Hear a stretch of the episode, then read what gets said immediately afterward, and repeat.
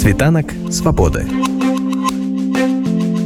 Świt wolności. Вуліца Кастуся Каліноўскага праходзіць паралельна вуліцы Пражскай у жылым мікрараёне левабярэжнай часткі Кіева і падыходзіць да чыгуначнага вакзала станцыі Дарніца. На ёй месціцца не так шмат будынкаў і ўсё гэта жылыя дамы. Прычым як шмат павярховікі, так і аднапавярховыя дамы прыватнага сектару. І ў практычна зімовы дзень позневосеньскага свята Михайлы стала сапраўдным квестам сустрэць там жыхароў менавіта гэтай вуліцы. Многія з тых, хто там хадзіў, жывуць на іншых прылеглых вуліцах. Некаторыя з якіх таксама звязаныя з Беларусцю, напрыклад, гродзенская ці дзвінская. Тым не менш я даў рады дачакацца тых, хто выходзіў з дамоў, якія належаць да вуліцы Кастуся Каліноўскага. Хаця на ўсіх гэтых будынках все яшчэ вісяць шыльды з ранейшай назвай астраханская, але гэта зразумець можна. Час зараз не дужа пасуе выдаткаванню грошай на выраб шыльдачак. Нават цэлы горад у Жытомірскай вобласці, якому замест нададзенай расіяй назвы нядаўна вярнулі гістарычнае найменне звягель, пакуль яшчэ з усіх в'ездаў падпісаны Наваград валынскім, але ж вернем вернемся на вуліцу кастуся каліновскага ў Киеве як аказалася многія людзі асабліва сталага веку пра перайменаванне ўвогуле не ведаюць. Шмат адказаў былі прыкладна такімі. Правда я не слышала и первый раз это послышу это але жыхары дамоў гэтай вуліцы больш маладых пакаленняў пра новую назву ведаюць хаця некаторыя ўспрымаюць яе скажем так неадназначна. Вось што напрыклад сказала нам Катэрына па-першае яна трошки пераблытала пачатковыя літары прозвішча нашага нацыянальнага героя героя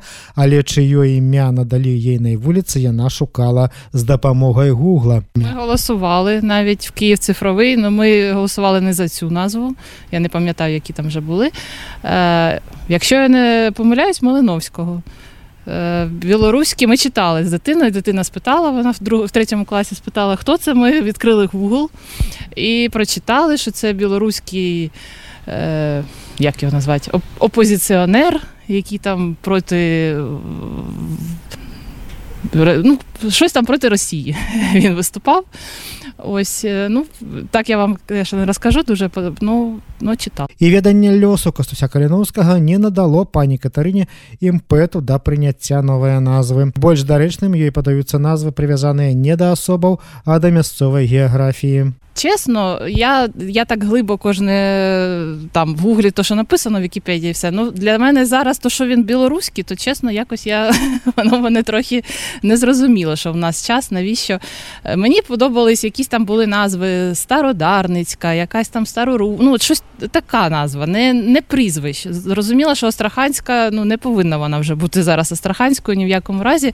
Ну, хотіла щось таке, щоб більш загальна була, не, не, не присвячена комусь. Тому що чому саме тут цей білоруський, навіщо він, що він тут в цьому районі, якби ніякого нема віднос, відношення, я так думаю. Зрештою, неоднозначне ставлення господарині Катерини і до самих білорусів. Ну, До людей я ставлюсь нормально, але я от в мене є така ну, історія, не історія. Я в інстаграмі, як всі зараз там на когось підписана, і дуже давно я підписана, вона блогер, в них сім'я така інтелігентна з Білорусі, з Мінську. Вони. Вона чоловік в неї взагалі фізик, і такі вони всі позитивні, все. Вона спочатку, коли це почалось, вона трошки щось там вставляла в сторіс, що Україна, ми з вами.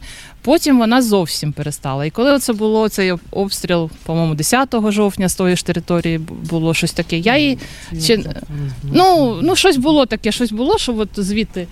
І я їй написала. Е, я так, де, іноді Вона не така, там, що в неї там мільйони підписників. Ну, якби я я їй написала, кажу, Вероніка, от чого ви не. Ну, може, а якесь відео я там розпространіла, якісь там наші робили. Е, кажу, чого ви зараз це не освітлюєте? Кажу, невже ви думаєте, що все закінчилось? Вона, ви не жили в Білорусі, ви не знаєте. Я кажу, ну я розумію. Е, Ви думаєте, що а, вам стане легше, якщо нас посадять з чоловіком? Ми, мол, ми і так е, ми з вами, ми все розуміємо, але ми нічого не можемо. І отак вона мені відповіла. І і я розум...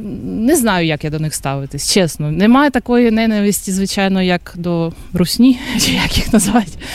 От, е, ну, не знаю, я їх може в чомусь і розумію, а а в чомусь і не розумію. Важко мені сказати. Хаця пасля майго тлумачэння ўжо без запісу спадарня Катарына прызналася, што сапраўды пра тую сітуацыю, якая адбываецца ў Беларусі яна ведала дужа мала і праекавала украінскую дэмакратыю на наш дыктатарскі рэжым.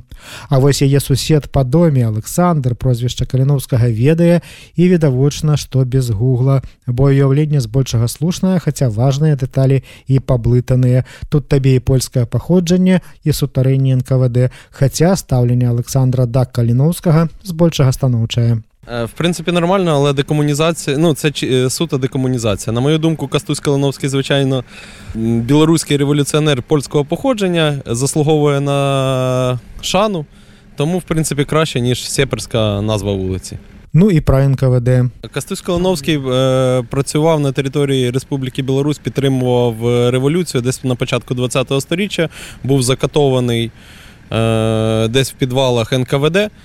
І здається, я не пам'ятаю точно. А, і його е, останки були знайдені, здається, тільки на початку 21-го сторіччя, е, відносно недавно. А так е, ніхто не знав, де він був. Помер він, здається, в районі 26 років йому було щось в такому ро- роді. Доти все, в принципі, більш нічого. Але на думку Александра побач з вуліца, якая цяпер носіць імя Кастуся Каліноўскага, жыў украінскі ваяр, які заслугоўвае таго, каб назваць ягоным імем вуліцу. Особисто моя думка, що я б назвав цю вулицю імені Максима Рекбіста, який поруч проживав і загинув десь місяць тому на сході, В тилу ворога. Але найбольш асацыяцыя з прозвішчаў Каліноўскага у Александра выклікае адпаведнае беларускае падраздзяленне ў складзе ўзброеных сілаў Украіны. Е, так, це здається полк імені Кастуся Калиновського, полк добровольців з Білорусі.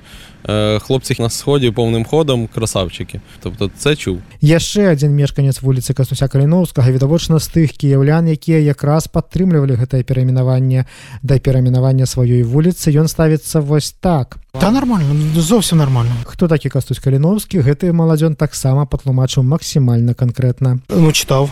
Читав белоруський этот самий якийсь там діяч, да, білоруський діяч, так. Ну а да беларусаў ён ставіцца надта станоўча. Добре ставлюся, чому ні? Добре ставлюсь. У мене друзі всі білоруси. У мене два білоруси, які тут живуть, та і это, ну, добре ставлюсь, добре. І нават на маю злёгку правакацыйную рэпліку, што з Беларусі ляцяць ракеты, а беларусы іх не перахопліваюць і не ловяць, гэты жыхар вуліцы Каліноўскага гатовы нас абараняць. Хто не ловить? Білоруси? А як вони будуть білоруси? А ви е, про- е, пробували там бути під окупацією, яка у них там около 25 ро- років чи більше? Да, ну так це таке діє. Це, це дуже двояка, тому Ну і вядома ж, што ведае гэты жыхар вуліцы Кастуся Каліноўскага пра знакаміты на всю Украіну полк ягонага імя. да, звісно. Вона друзі мої те саме рядом з цим повком були, так що дуже до- добре чуємо про цей повк. Ну а пра тое, як у Києві з'явілася вуліца Кастуся Каліноўскага, я запытаў у грамадскага актывіста, даследчыка гісторыі Кіева і чальца камісіі ў пытаннях найменняў пры кіевскім гарадскім галаве Тыміша Мартыненкі Кушлянскага. Розкажу вам е, історію, чому вулиця Кастуся Калиновського опинилась е, на місці колишньої Астраханської. Це насправді дуже цікава історія. Якщо коротко відповідь давати, то було визначено саме цю вулицю в підсумку для Кастуся Калиновського е, через потребу і об'єктивну необхідність створити такий осередок білоруської культури на лівобережжі Київському. Чому? Тому що ну, експертна група діяла виходячи з об'єктивних обставин. А ще у 2020 році білоруська громада міста Києва ініціювала перейменування скверу, який там поруч знаходиться на вулиці Гродненській. Там сквер з якоюсь малозначимою назвою, там щось типу Стародарницький перший чи щось таке. Е, Так от білоруська громада Києва ініціювала перейменування цього скверу на сквер Кастуся Калиновського, Е, виходячи з мотивів того, що сквер знаходиться на вулиці Гродненській. Відповідно, Кастусь Калиновський народився на Гродненщині. Там же ж поруч провулок Гродненський, і таким чином, якщо ми дістаємо сквер Калиновського на вулиці Гродненській, то ми вже дістаємо такий певний. Комплекс топонімічний білоруський, і ця пропозиція вона пройшла громадські слухання в Києві. Проблема в тому, що Київська міська рада не встигла до початку повномасштабної війни ухвалити це рішення про перейменування скверу. А зараз воно там ну зависло через е, певні е, там бюрократичні і нормативні обмеження пов'язані з військовим станом. Тому Київрада ще буде повертатися до цього питання, і все таки Київрада матиме затвердити це рішення від 2020 року. І в нас в підсумку буде сквер Костося Калиновського на вулиці Гродненській. І от саме тому з цих міркувань е, на самому початку експертна група рекомендувала взяти ім'я Костуся Калиновського як е, один із рекомендованих варіантів для вулиці Астраханської, яка поруч пролягає, тому що експертна група розуміла, що у тому випадку, якщо все таки цю пропозицію люди підтримують, то в нас буде абсолютно чудовий топонімічний комплекс, який буде складатися з вулиці Костуся Калиновського, вулиці і провулку Гродненських і скверу Костуся Калиновського. Тобто, ми вже такий кластер білоруської культури і історії створюємо, але безумовно конкуренція була висока, і по вулиці Астраханській я от перевірив наші матеріали.